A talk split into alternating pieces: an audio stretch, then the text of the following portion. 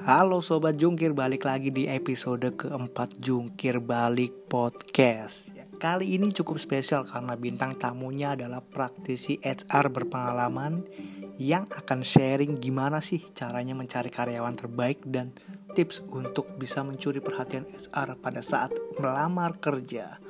Oke langsung aja kita ke segmen ngobrol bareng Sylvia Chin. Yuk ya yuk Oke guys, balik lagi di podcast Jungkir Balik episode keempat. Kali ini gue bareng Ci Silvi ya. Silvi ini adalah HR di salah satu perusahaan yang cukup terkenal. Ya Ci ya? Iya gak sih? Ya, tanpa disebutin nama aja ya. Betul. Nanti ada pesan sponsor di situ bahaya. Iya, iya nanti pesan sponsor jadinya. Betul ya. Oh ya sih, apa kabar? Baik, sehat, luar biasa. oh, kayak seminar motivasi ya, Ci? Iya ya. Gak apa diselingin dengan sedikit motivasi mungkin ya di malam-malam gini. Iya, iya, iya, iya. iya. uh, gak ikut puasa kan, Ci? Uh, enggak sih. Barangkali kan ikut puasa gitu Mungkin next time ya. Ikutan orang misalnya orang pada puasa ikut puasa, buka puasa ikut buka puasa gitu. Kan. Iya. Ini lebih tepatnya nggak ikut puasa tapi ikut ngabuburit sama buka puasanya kayaknya ya. nah, ya. Itulah indahnya bulan Ramadan. betul betul betul. Sekarang sibuk apa nih, Ci? Uh, sibuk kerja, nyari duit ya kan. Oke. Kumpulkan pundi-pundi. Oke. Kurang lebih akan di situ kayaknya ya. Sama sibuk menghadapi pandemik kayaknya. Jadi menghadapi pandemik sibuknya ngapain di rumah aja kan berarti? Sibuknya di rumah aja. berusaha berusaha menahan diri untuk tidak ke mana-mana. Oh iya iya iya. Ya. Sibuk menahan diri ya lebih tepatnya ya. Makanya podcast kita emang online ya jarak jauh. Yo, virtual ya kita ya. Hmm, PSBB online. Ya. PSBB. Jadi suara kamu tuh mirip banget Meria tau gak?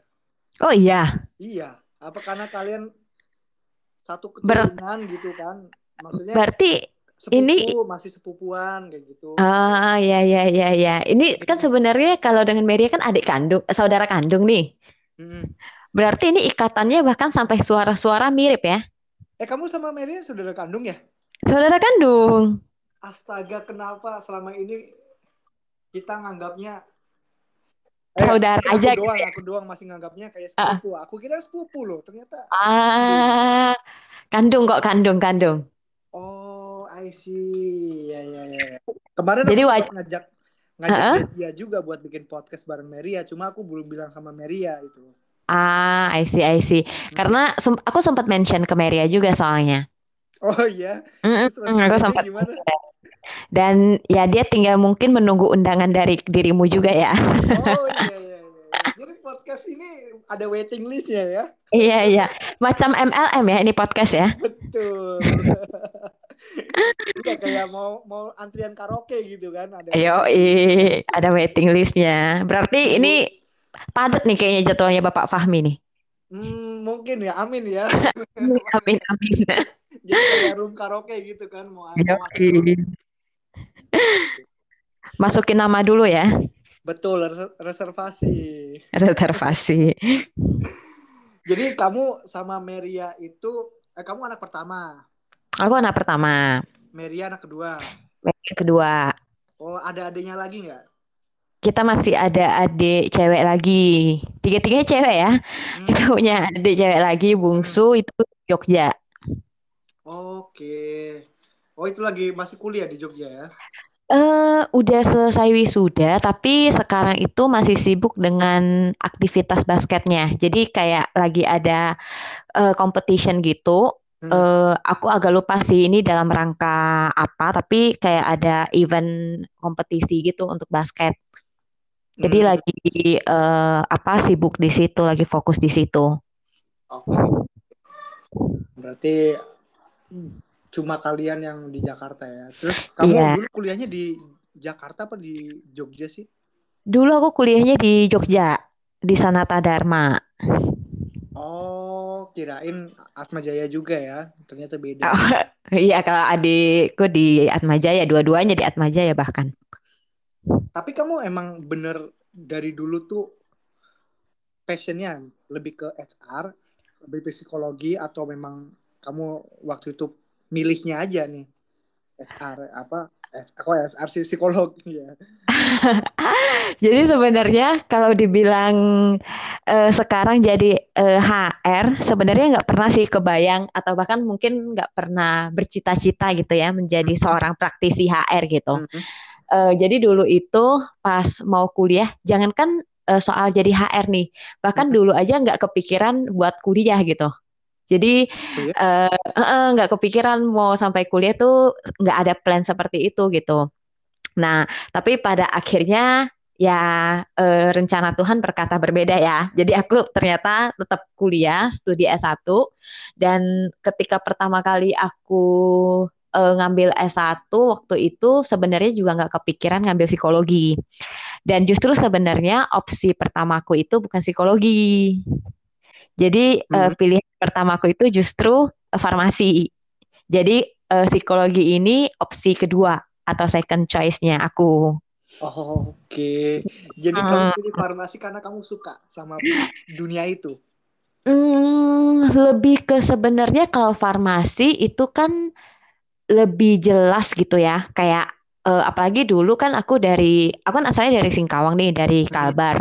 Nah uh, di circleku atau di apa ya istilahnya di lingkunganku itu kayak kalau farmasi tuh oh obat-obatan. Kalau misalnya kamu lulus itu lebih jelas gitu. Kamu arah karirnya mau ke mana kayak gitu gitu loh. Jadi kayak dapat pengaruh-pengaruh dan dapat kayak masukan Insight. mending farmasi aja eh, mending farmasi kan kalau kamu lulus kamu bisa jadi apoteker gitu dan ya kalau misalnya kamu nggak mau jadi apoteker di rumah sakit dan lain sebagainya, bahkan mungkin kamu bisa buka apotek sendiri gitu kalau misalnya kamu mau gitu kan. Mm-hmm.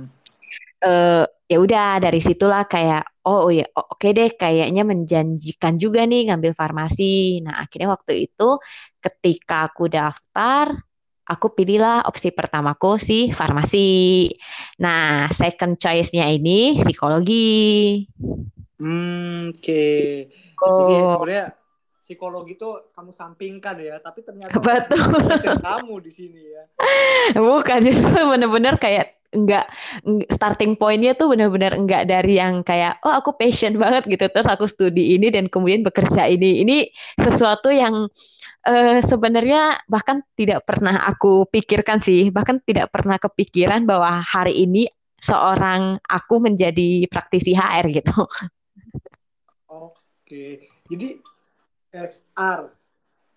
Mm -mm. Kamu, kan, kamu kan dulu mikirnya farmasi, farmasi itu bakal kamu uh, bikin punya mm -hmm. atau kamu kerja di sebagai apoteker ya. Mm -hmm. Terus psikologi, kamu gak kepikiran juga bakal jadi SR gitu, karena ngarahnya ke SR gitu kan. Mm -mm. Nah, sebenarnya kalau psikologi di awal itu bahkan aku sebenarnya nggak punya bayangan nih psikologi itu ketika nanti lulus itu seperti apa sih hmm. kayak jalur kali karirnya atau uh, opsinya nanti seperti apa itu sebenarnya aku nggak punya gambaran nih. Nah satu hal sebenarnya dari dulu satu hal yang nggak berubah dari aku tuh dulu tuh uh, aku tuh orangnya tuh suka dealing with people gitu loh. Jadi menurutku relationship dengan orang itu tuh menyenangkan. Itu sesuatu yang menarik kayak uh, aku dapat energi gitu kalau misalnya aku uh, berinteraksi dengan orang. Mm-hmm. Mungkin ciri-ciri kalau istilah keren sekarang ekstrovert gitu ya. Iya. Yeah. Uh, uh, jadi uh, waktu itu aku sebenarnya nggak punya gambaran kalau misalnya psikologi nanti ujungnya seperti apa. Cuman uh, ceritanya waktu itu uh, aku kan masuk S1 ini lewat jalur tes nih. Mm-hmm. Aku jalur tes. Kemudian uh, ketika selesai tes, justru aku keterimanya di psikologi. Padahal tadi kan opsi pertamaku farmasi nih. Betul. Nah, ketika aku dapat surat penerimaan, aku justru keterimanya di psikologi. Oke. Nah, waktu itu aku sempat mikir nih, aduh keterimanya di psikologi, mau ngambil apa enggak ya gitu. Tapi nanti psikologi belajarnya apa? Banyak lah gitu waktu itu banyak yang dipikirkan. Tapi at the end akhirnya aku decide untuk ya udah lanjut aja lah ngambil psikologi aja belajar psikologi gitu kan uh, karena ya? mm, maju terus lah gitu pantang mundur gitu kan karena uh, waktu itu juga aku ikut jalur tesnya FYI itu udah gelombang terakhir hmm. Balik lagi ya aku nggak kepikiran untuk mau S1 gitu. Yang kemudian ada satu dua alasan pertimbangan yang kemudian aku uh, akhirnya ikut jalur tes dan itu udah gelombang terakhir. Dan keterima di psikologi akhirnya aku lanjutin aja lah oke okay, uh, eh, mari kita cobalah gitu. Karena waktu itu ke, uh, yang aku tahu ya psikologi itu pasti akan berkaitan dengan orang gitu betul people tapi ya aku nggak tahu nih detailnya seperti apa, yang dipelajari nanti seperti apa itu aku belum punya gambarannya seperti apa. Nah akhirnya ya udah aku masuklah, cobalah untuk masuk psikologi gitu. Nah eh, tapi satu hal yang membuat aku kemudian kenapa ya udah deh kita coba itu adalah itu karena menurutku karena psikologi itu kan di bayangan um, di bayangan apa ya istilahnya kayak uh, masyarakat awam itu kan mikirnya oh psikologi itu bisa baca orang atau psikologi itu bisa uh, ngelihat ini ngelihat itu gitu kan. Hmm. bisa baca karakter kepribadian. Nah waktu itu sama aku juga sempat punya uh, pemikiran seperti itu. Jadi uh, ya udah mari kita coba gitu psikologi ini nanti belajarnya seperti apa. Oke, itu sebenarnya jauh banget loh, Ci kamu dari farmasi yeah. psikologi. Misalnya betul. kamu milih satu farmasi, keduanya dokter misalnya gitu kan. Iya iya iya betul. Betul betul. itu pilihan kedua kan gila. Kan? Iya. Jadi pilihan kedua. Iya iya iya. Oh, karena mungkin waktu itu juga ini sih eh, kenapa aku akhirnya ngambil psikologi sebagai second choice-nya aku. Eh, akreditasinya waktu itu memang bagus untuk universitas tersebut ya. Hmm. Ha -ha. Karena farmasinya juga akreditasinya bagus, psikologi juga dan kebetulan mereka ada di satu lokasi kampus yang sama. Kamu dulu di Gejayan atau yang di mana itu ya? Di Paingan. Oh, Paingan. Paingan. Oh, hmm. enggak ke ini dong. Ayam goreng Bu Bu Mur ya? Eh, burung, enggak, burung, enggak. Burung. Enggak. Ya, ayam ayam ayam geprek burung itu. Iya, betul betul. Oh, itu ada di Gejayan. Gejayan yang itu tuh. Iya, betul di Gejayan sih itu. Merican ya, Merican ya namanya. Yo i. Oh, kamu paingan, ah. itu bukan ranahku kalau paingan. uh, uh, stadion, stadion Maguwo Harjo Maguwo mainnya. Harjo ya, itu banyak begal daerah situ tuh. Iya kalau malam-malam sih lu, karena sepi banget kan kalau malam.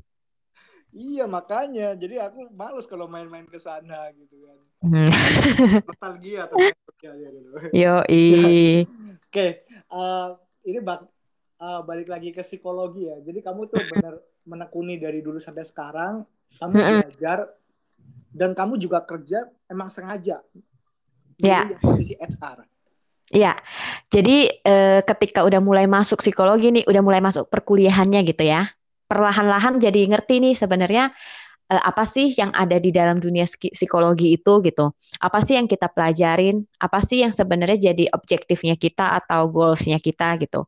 Udah mulai dapat nih uh, pemahamannya ketika perkuliahan dan uh, secara penjurusan itu kan ada macam-macam tuh. Kalau mau ngomong di psikologi, itu ada psikologi industri organisasi, ada psikologi sosial, pendidikan, perkembangan dan teman-temannya gitu. Hmm. Nah, e, dari situ sih, dari setiap mata kuliah, dari setiap uh, pembelajaran itu kan kemudian bisa akan kita kayak udah punya gambarannya kan. Kalau misalnya aku masuk penjurusan ini akan seperti apa, penjurusannya itu seperti apa. Dan waktu itu aku interested untuk psikologi industri organisasinya. Oke. Hmm. Berarti kamu fokusnya ke sana sekarang? Betul. Jadi uh, ketika psikologi industri organisasi itu pasti nanti uh, larinya ke Human Resource and Development HRD. Hmm. Kalau yang lain itu larinya ke mana, Ci? Macam-macam sih, kayak kalau psikologi pendidikan bisa jadi guru BK. Kalau misalnya eh, psikologi klinis itu bisa jatuhnya tuh eh, lanjut studi lagi bisa jadi psikiater. Hmm. Itu. Jadi kalau misalnya yang lingkungan eh, perusahaan, company itu akan mainnya di industri organisasi sih. Hmm. Tapi kalau sama psikologi pop kamu belajar juga nggak sih? Misalnya kayak psikologi populer yang uh, misalnya jadi digital content creator gitu kan. Mm-hmm. Kamu belajar gitu uh, juga gak sih? Dulu pas di masaku sih belum sampai situ ya. Kamu sebut itu? Apa? Di masaku, masaku apa masako? Di masaku, oh. di periodeku. Jadi branding loh kamu. oh, aku kira kamu beneran kerja di itu ya enggak, enggak. masa di masa masa aku uh, di angkatanku belum mungkin karena waktu itu digital juga belum se-trending sekarang ya Iya betul mm -mm. oh jadi kamu belum ke arah sana ya dulu ya tapi belum, itu kan belum. banyak kan buku-buku tentang psikologi populer gitu kan. Betul. E, paling kalau secara literasinya itu banyak. Cuman kalau misalnya ku, mata kuliah secara khusus membahas itu waktu itu di angkatanku belum ada sih. Hmm, berarti itu beneran uh, khusus sendiri ya, ada sendiri ya di luar psikologi mm. yang lain ya. Betul. Hmm, Oke. Okay.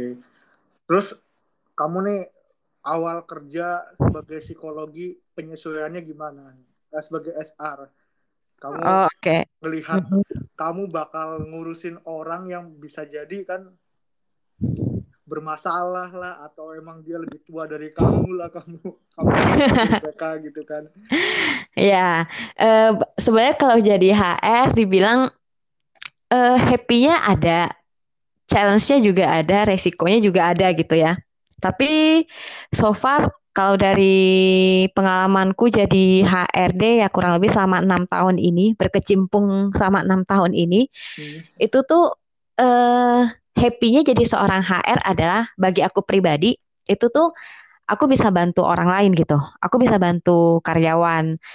Paling pertama sebenarnya uh, jadi seorang HR itu menurutku aku bisa jadi pintu gerbang pertama untuk orang mendapatkan pekerjaan. Karena uh, lagi-lagi sebenarnya kan itu adalah step awal ya ketika orang melamar kerja, ketika orang mencari pekerjaan, itu kan pasti akan difilter di HR nih sebagai pintu gerbang pertamanya. Nah, eh, dulu akhirnya aku passion banget di HRD. Salah satunya itu karena kita bisa ngebantu satu bantu mendapatkan pekerjaan, dua kita bisa bantu karyawan yang memang sudah bekerja sama kita untuk setiap permasalahan yang dihadapi. Karena kan pasti ketika kita bekerja gitu ya, kita nggak mungkin nggak pernah punya masalah gitu. Hmm. Jadi pasti selama kita bekerja ada aja kadang konflik, mungkin problem itu terjadi. Nah, di situ HR salah satunya juga perannya bantu cari solusi nih atas setiap permasalahan atau persoalan yang dihadapi karyawan. Hmm. Nah, eh, kemudian yang ketiga menurutku ketika aku jadi HR itu salah satu yang paling apa istilahnya mengharukan mungkin ya lebaynya mungkin mengharukan gitu itu tuh gimana kita bisa ngasih personal touch ke karyawan. Jadi eh, bagiku selama aku jadi HR yang aku dapat salah satu real value jadi HR itu itu adalah apresiasi dan personal touch ke karyawan. Contoh simple sebenarnya eh, kayak gini. Misalnya nih ada karyawan habis sakit terus uh, masuk-masuk kantor pengen ngeklaim nih atau pengen reimburse untuk biaya pengobatannya gitu. Hmm. Sebagai HR, eh, aku tuh kadang-kadang, aduh cepet, pengen cepet-cepet nih di reimburse, jangan lama-lama nih kasihan, siapa tahu uangnya mau kepake lagi gitu kan. Hmm. Atau misalnya kayak karyawan nih lagi dinas keluar kota, kadang-kadang kita tanyain, eh gimana di sana, aman nggak? Uh, so far gimana? Ada kesulitan nggak gitu? Uh, karena gimana pun ketika kita bisa mengapresiasi mereka, mereka bisa melakukan lebih dari apa yang kita harapkan. Oke. Okay. Gitu. Uh, uh, jadi uh, salah satu poin jadi HR itu ya gimana kita bisa membantu orang untuk menjadi lebih baik sih. Apalagi ketika masalah yang dihadapi mungkin bukan cuma masalah kerjaan ya. Meskipun kadang-kadang uh, ya masalah kerjaan yang harusnya dibahas, tapi kan somehow ada karyawan yang punya masalah personal yang kemudian pengaruh nih ke dia punya pekerjaan gitu.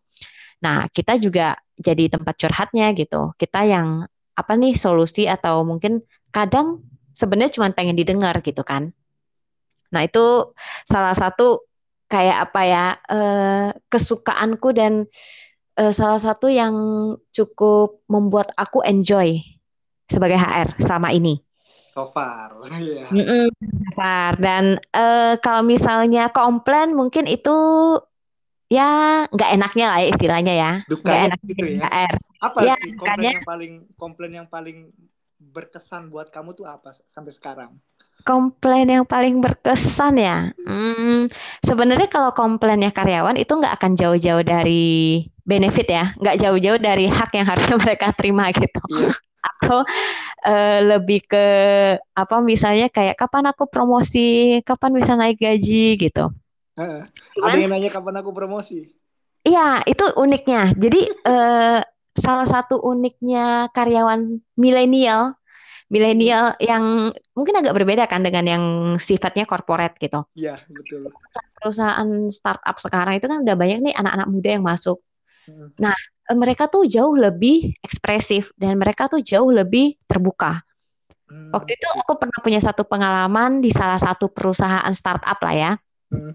Jadi anak-anaknya itu even mereka akan sangat rajin dan inisiatif untuk bertanya uh, ini jenjang karirku akan seperti apa ya? Uh, kemudian ini aku misalnya udah satu tahun nih di sini, kira-kira apa nih uh, action atau ada up, atau ada apa plan apa gitu untuk mm -hmm. aku gitu ke depannya? Mereka akan dengan sangat terbuka untuk bertanya seperti itu. Dan uh, jujur pertama kali waktu aku dengar pertama kali eh. itu aku nih karena kan aku pertama bekerja itu di corporate ya bukan di yeah. startup. Hmm jadi ya wah bisa begini ya gitu kan? Ternyata dulu aja. kayak gini ya bedanya ya, ya gitu. kayaknya dulu aku pertama kali masuk kerja nggak berani begini deh gitu kan.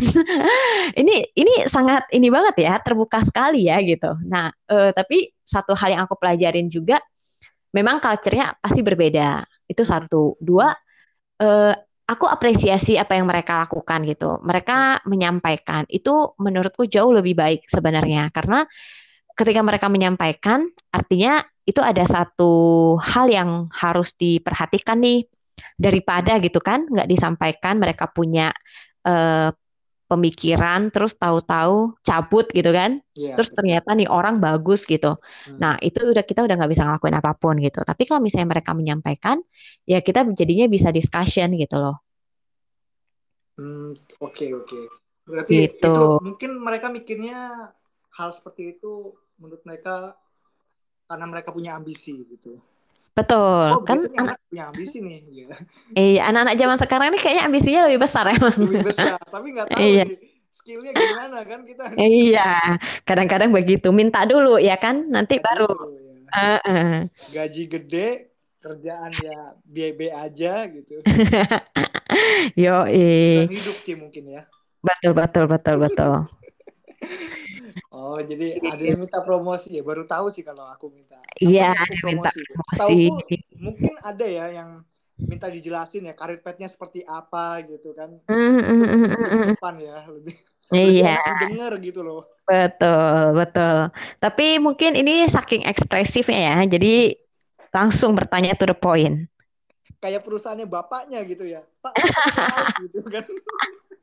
naikin aku sekarang gitu kan? Iya. Gitu. Nah kadang-kadang juga lucunya eh, HR itu kan jadi salah satu tempat cerita karyawan ya. Jadi kadang-kadang ada yang sampai ceritanya tentang hubungan dia sama pacarnya gitu kan? Kayak oh aku punya gebetan tapi beda agama terus satu kantor lagi ya kan? Ceritanya bisa sampai ke mana-mana gitu. Jadi kadang-kadang aku juga kayak eh gimana? gitu ya.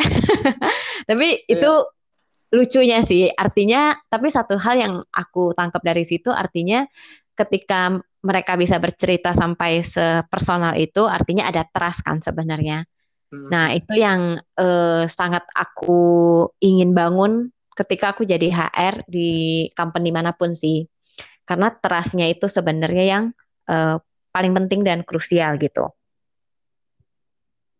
Hmm, oke okay, oke. Okay. Jadi gitu ya. ya hmm, Sampai terus, dengan gebetannya. iya, Ci. Ah, terus mungkin dari sobat yang ada di sana kan teman-teman jungkir gitu kan, sobat jungkir mm -hmm. lah. Mm -hmm. Mereka mungkin bertanya-tanya ya, sebenarnya dari kacamata HR tuh apa sih yang diperlukan dari kandidatnya hmm. gitu kan kandidatnya okay. mau masuk mau ngelamar gitu yang diperlukan yang dibutuhkan HR tuh yang gimana gitu Oke, nah eh, sebenarnya kalau misalnya apa yang HR cari sih dari seorang kandidat, ini lagi-lagi dari perspektifku ya dan dari pengalamanku gitu.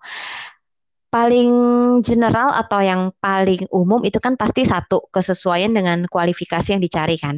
Hmm. Eh, kualifikasi yang dibutuhkan seperti apa dan apakah di kandidat itu punya, itu pasti kita eh, lihat juga gitu. Itu pasti HR juga lihat gitu. Nah uh, kualifikasi ini kan macam-macam, bisa pengalamannya, bisa skillnya gitu. Hmm. Tapi ini lagi-lagi akan terbagi juga dibedakan antara yang fresh graduate dengan experience, hmm. gitu. Uh, dan tergantung juga ya posisi dan level posisi yang dicari. Nah makanya kalau misalnya untuk teman-teman fresh graduate uh, memang secara pengalaman kerja yang literally pengalaman kerja mungkin memang belum ada gitu. Tapi hmm. uh, dari dulu aku selalu mengencourage untuk teman-teman yang kuliah biasanya semester akhir untuk jika punya kesempatan untuk magang atau internship, maganglah. Karena itu salah satu kesempatan dan itu akan menjadi salah satu nilai jualnya teman-teman gitu. Hmm. Keaktifan berorganisasi, jangan sampai jadi mahasiswa kupu-kupu gitu kan. Kuliah pulang kuliah pulang. Kupu madu. Iya madu ya. malam dugem. Aduh itu lebih bahaya lagi ya. Nah kayak gitu. Jadi eh, ketika kita punya pengalaman internship magang itu juga akan jadi salah satu nilai jualnya kita ke perusahaan. Itu bagi teman-teman yang fresh graduate. Nah untuk yang experience itu pasti nanti kan dilihat juga kan e, lama pengalamannya, terus kesesuaian pengalamannya seperti apa. Nah, itu sih, tapi pastikan ketika teman-teman apply atau melamar di mana pun gitu e, di beberapa aplikasi yang rekrutmen yang ada atau e, lewat email dan lain sebagainya itu dipastikan gitu oh kualifikasinya seperti ini. Di aku oh kira-kira masuk nggak ya? gitu. Karena jangan sampai ini sebenarnya bedanya dibutuhkan misalnya pengalaman lima tahun gitu. Terus fresh graduate yang apply gitu kan. Nah ini kan nggak match gitu loh. Gitu. Jadi lucunya nih kadang-kadang ya. Kadang-kadang lucunya uh, sebagai HR aku hmm. nih ada teman-teman HR yang lain juga lah ya. Pasang lowongan nih vakansi itu hmm. udah diterap udah ditulis ini kualifikasinya spesifikasinya gini gini gini iya. nah itu bukan bukan cuma nulis doang gitu maksudnya itu bukan cuma basa-basi gitu iya, itu betul. ketika kita not memang requirement nih iya. ketika kita not butuh pengalaman ya kita memang butuh nih yang pengalaman gitu jadi iya. teman-teman kandidat itu juga harus memperhatikan itu gitu jadi jangan sampai ngerasa aduh aku udah apply 10 kali nggak satu pun dipanggil. Lah kalau ternyata dengan requirementnya aja beda jauh gimana mau dipanggil gitu kan? Iya, iya, iya. Ya, uh, jadi apply lah sesuai dengan kualifikasi dan spesifikasi yang dicari gitu. Nah uh, satu hal juga skill itu memang pasti dicari oleh HR tapi yang paling penting dari itu itu adalah attitude atau karakter. Karena aku tuh selalu punya prinsip yang aku hire hmm. itu karakter yang aku hire itu karakter. Skill itu bisa dilatih. Itu bisa ditrainingin gitu. Bisa dikasih training. Hmm. tapi yang aku ya? betul. Ketika aku ngerekrut yang aku rekrut itu adalah attitude. Itu sih. Makanya eh, jangan lupakan kesan pertama. Karena paling simpel sebenarnya kedisiplinan waktu. Kalau hmm. misalnya memang telat infolah ke rekruternya. Hmm. Kalau berhalangan hadir, infolah ke rekruternya. Itu kan akan jauh lebih baik gitu. Hmm. Daripada lost tiba-tiba nggak datang atau tiba-tiba telat tapi nggak ada pemberitahuan kan kita juga nggak tahu kan rekruternya apakah punya kandidat lain atau tidak hmm. atau punya jadwal yang lain gitu. Hmm. Makanya kesan pertama itu penting banget. Itu simpel tapi itu sangat penting. Dan juga uh, attitude balik lagi yang aku yang HR dan aku pribadi rekrut itu adalah karakter atau attitude-nya. Karena kalau skill itu kita butuh butuh, tapi ketika skillnya belum fulfill itu bisa di training. Hmm, mungkin kalau skill itu bisa ke usernya ya. Betul. Dan balik lagi skill itu kan sesuatu yang masih bisa kita pelajarin ya. Misalnya nih, katakanlah oh butuh kemampuan untuk menghitung atau finance. Itu bisa kita kita bisa belajar gitu. Kita bisa belajar dan kita bisa cari training terkait hal tersebut. Tapi belum pernah ada training attitude gitu. Jadi eh, makanya kalau misalnya attitude itu satu hal yang akan istilah itu sesuatu yang memang udah melekat di kita gitu. Jadi pastikan ya kita tuh ketika apa pun sih sebenarnya yang kita kerjakan di mana pun kita berada tidak harus dalam konteks rekrutmen ini attitude itu kan selalu jadi sesuatu yang penting gitu. Oke. Itu pertama. Nah, terus yang dicari HR apalagi sih itu biasanya kesesuaian dengan culture atau nilainya perusahaan. Kan makanya setiap perusahaan itu pasti ada tuh oh nilai-nilai perusahaan kita A B C D gitu kan. Nah, itu pasti ada maksud dan tujuannya gitu. Nah, pastikan kita juga mempelajari nih historinya perusahaan, profilnya, culture-nya seperti apa, value-nya seperti apa. Nah, itu match nggak dengan kita gitu. Karena jangan sampai kita memaksakan diri. Karena ketika value yang kita punya itu tidak cocok dengan value perusahaan yang kita lamar, hmm. yang ada kita stres nanti di dalam. Berarti gitu. ini juga ya harus riset juga gitu ya. Betul. Atau apakah kita bisa adapt gitu kan? Hmm. Kita mungkin nggak uh, value di dalam diri kita nggak itu, tapi apakah kita bisa adapt nih dengan si value-nya perusahaan? Karena kalau misalnya kita benar-benar nggak bisa adapt dan kita juga tidak cocok, yang ada kita akan jadi stres di dalam pekerjaan kita sendiri. Kita nggak jadi happy and enjoy gitu di dalam pekerjaan kita. Oke oke oke.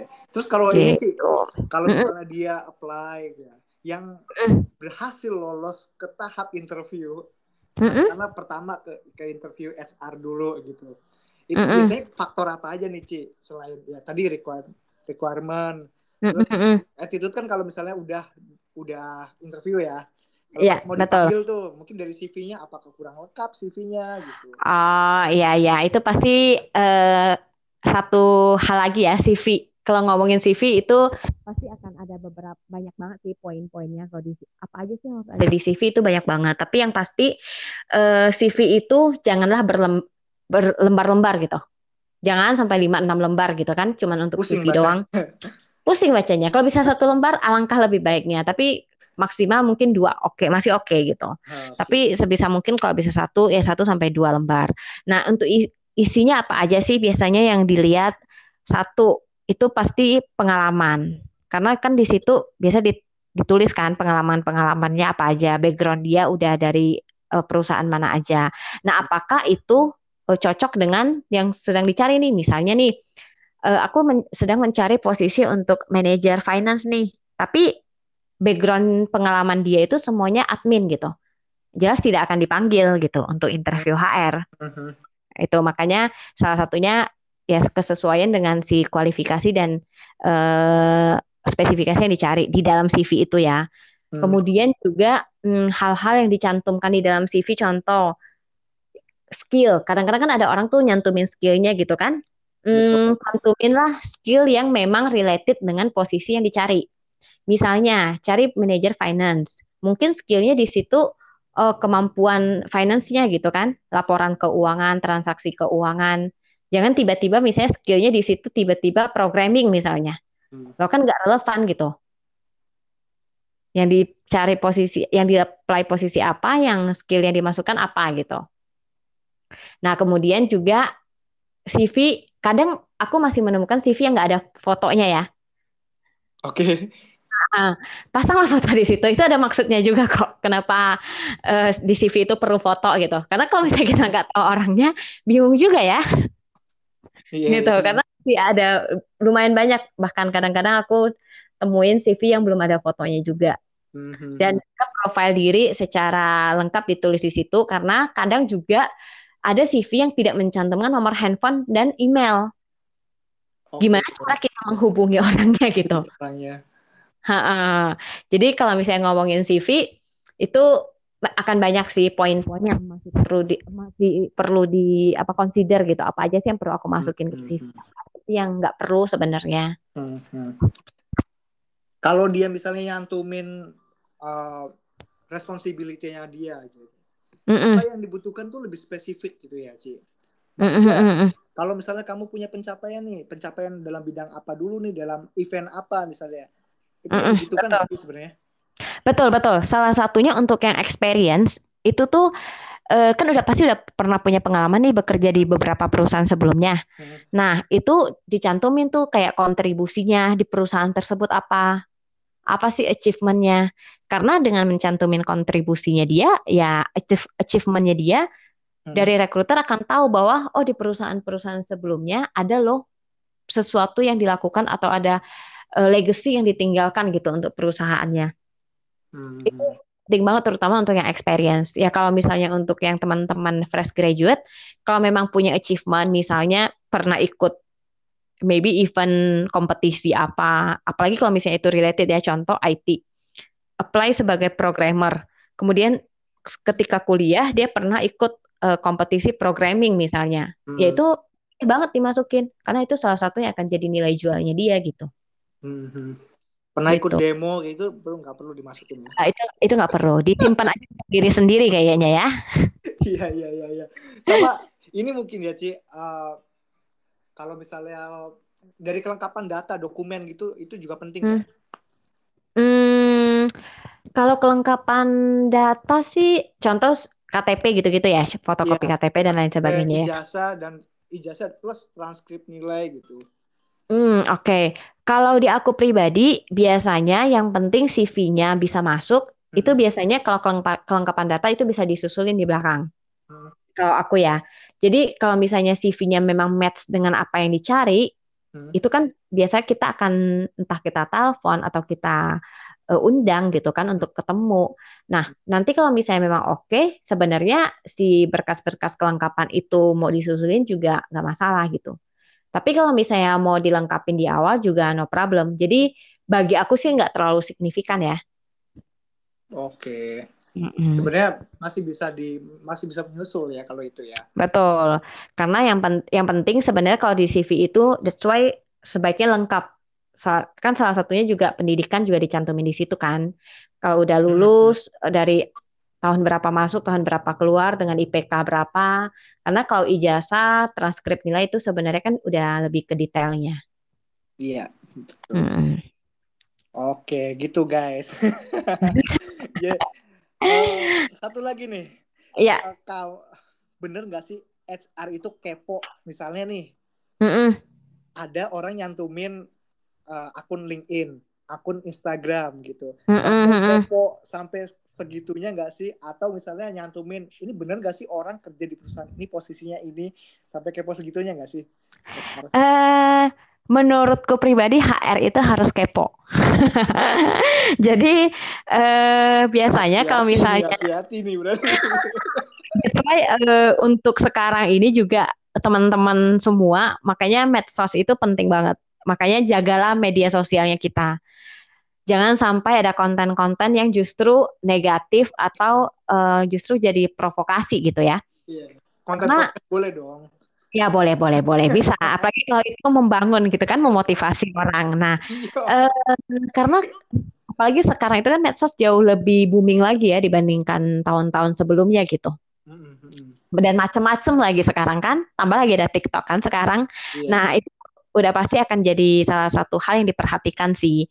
Bahkan kadang kalau misalnya aku dapat CV kandidat nih dan secara CV-nya oke, okay, hmm. aku siap untuk calling atau aku udah siap untuk undang gitu. Biasanya aku akan cek dulu nih Instagramnya, hmm. LinkedIn-nya, kalau punya Twitter, Twitternya. Kalau hmm. zaman sekarang ada TikTok ya TikToknya gitu. Karena itu kadang-kadang bukan kadang-kadang sebenarnya medsos itu kan mencerminkan kita ya, merepresentasikan profil diri kita. Hmm. Uh, makanya itu akan jadi salah salah satu yang akan pasti dicari tahu sih. Dan nggak cuma medsos, bahkan kadang-kadang misalnya nih di LinkedIn dicantumin, oh pernah kerja di sini. Terus pas aku punya kenalan nih, oh aku punya kenalan nih di perusahaan tempat dia bekerja sekarang nih. Kadang-kadang aku akan tanyain, eh si ini kerja di perusahaan ini ya, di perusahaanmu ya? Gimana sok dia selama di sini? Udah berapa lama? Biasanya akan dikepoin.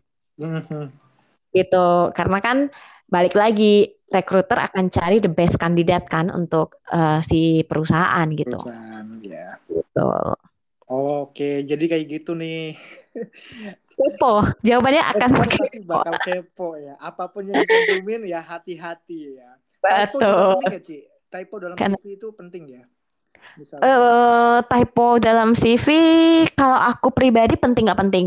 Eh, penting terutama untuk posisi yang memang punya butuh ketelitian tinggi ya. Hmm, Misalnya finance itu jelas-jelas posisinya nggak boleh nggak boleh nih kalau bisa jangan salah jangan salah gitu. hmm, Kelebihan 1-0 udah beda cerita lagi ya kan? hmm, betul. Nah, Gitu. Jadi eh, tapi pastinya alangkah lebih baiknya ya jangan typo. Dicek lagi, Dicek diteliti lagi.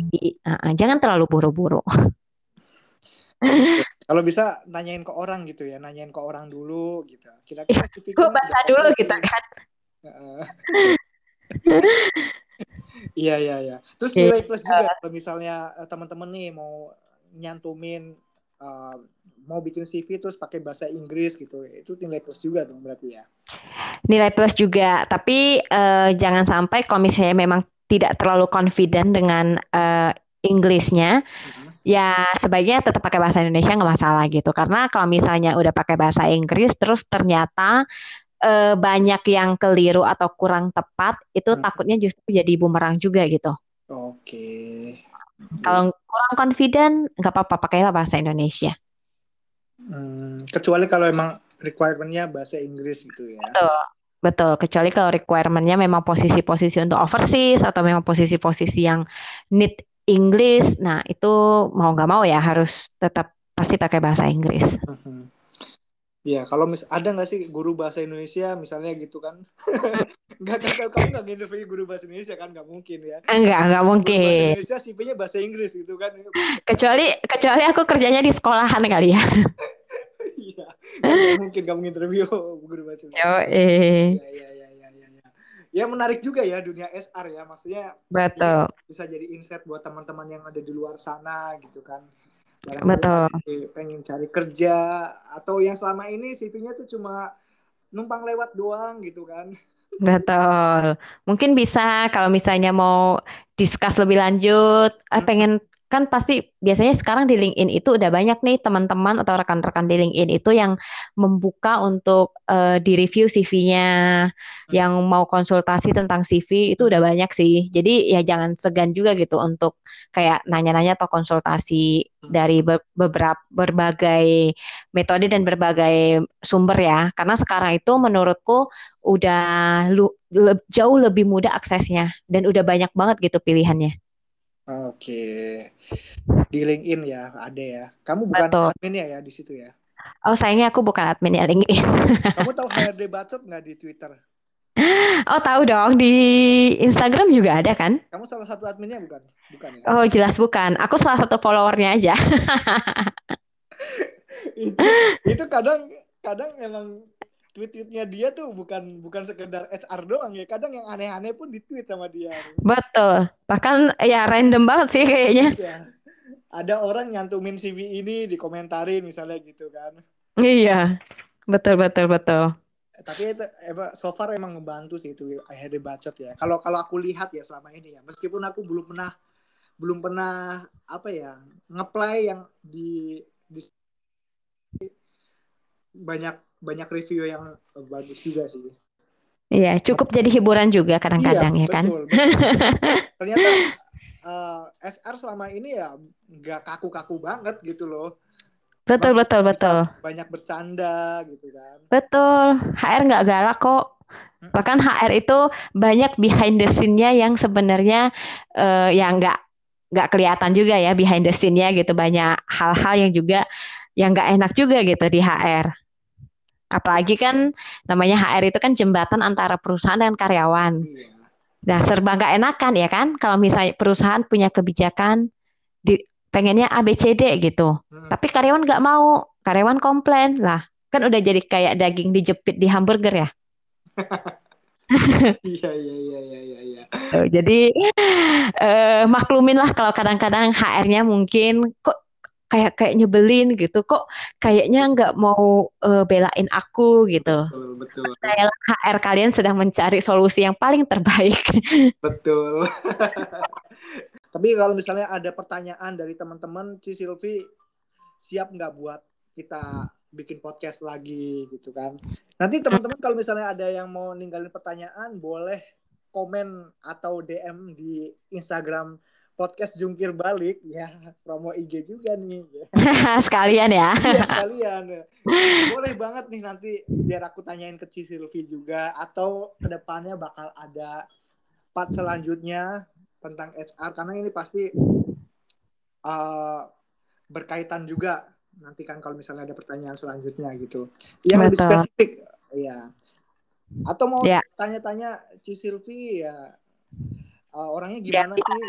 Mungkin bisa tuh kayak misalnya mungkin teman-teman di luar sana pengen nih kayak oh ada topik apa gitu yang lebih detail mungkin ya yang dibahas. Nah nanti mungkin bisa ya di share mungkin kan uh, pengen bahas topik ini nih nanti mungkin dari Mas Fahmi mungkin nanti bisa fasilitasi juga ya kan? Iya. iya. boleh, gitu. Boleh. Ya, thank you banget nih, Ci. Uh, mungkin satu lagi nih, Ci, pertanyaan ya. Iya. Kamu pernah nge-blacklist kandidat gak sih? Oh, pernah dong. Pernah. Tapi pernah. dia ngeyel, tetap masuk terus ke situ. Eh, uh, maksudnya CV-nya tetap masuk? Mm -mm, CV-nya tetap masuk. Pernah, pernah, pernah. Aku bahkan pernah menerima satu CV yang sama itu lebih dari 10 kali. Wow.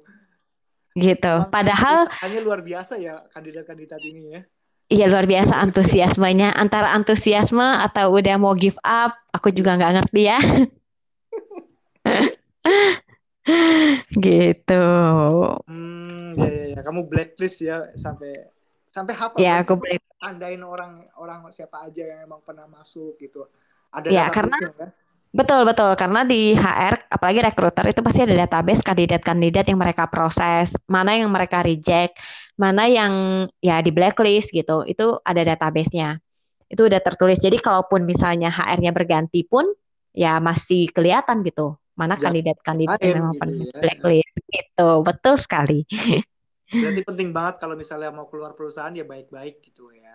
Ya, kalau masuknya baik-baik, keluarlah baik-baik dan selama proses rekrutmen di awal pun ya ikutinlah setiap prosesnya dengan baik juga gitu. Oke, oke, thank you. Uh, oke okay, deh. Uh, semoga sehat terus. Sama juga oke okay, ya. Amin.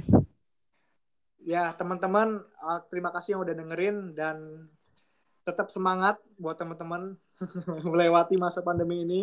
Jangan mudik. Betul. Jangan mudik. Itu pesan mudik ya. pesan sponsor hari ini ya itu ya. Pesan sponsor hari ini. Ya. Oke okay, guys, terima kasih yang udah dengar semuanya dan tetap di podcast jungkir balik di episode selanjutnya. Oke, okay. bye bye, bye bye Cicil. Bye bye, thank you. Thank you.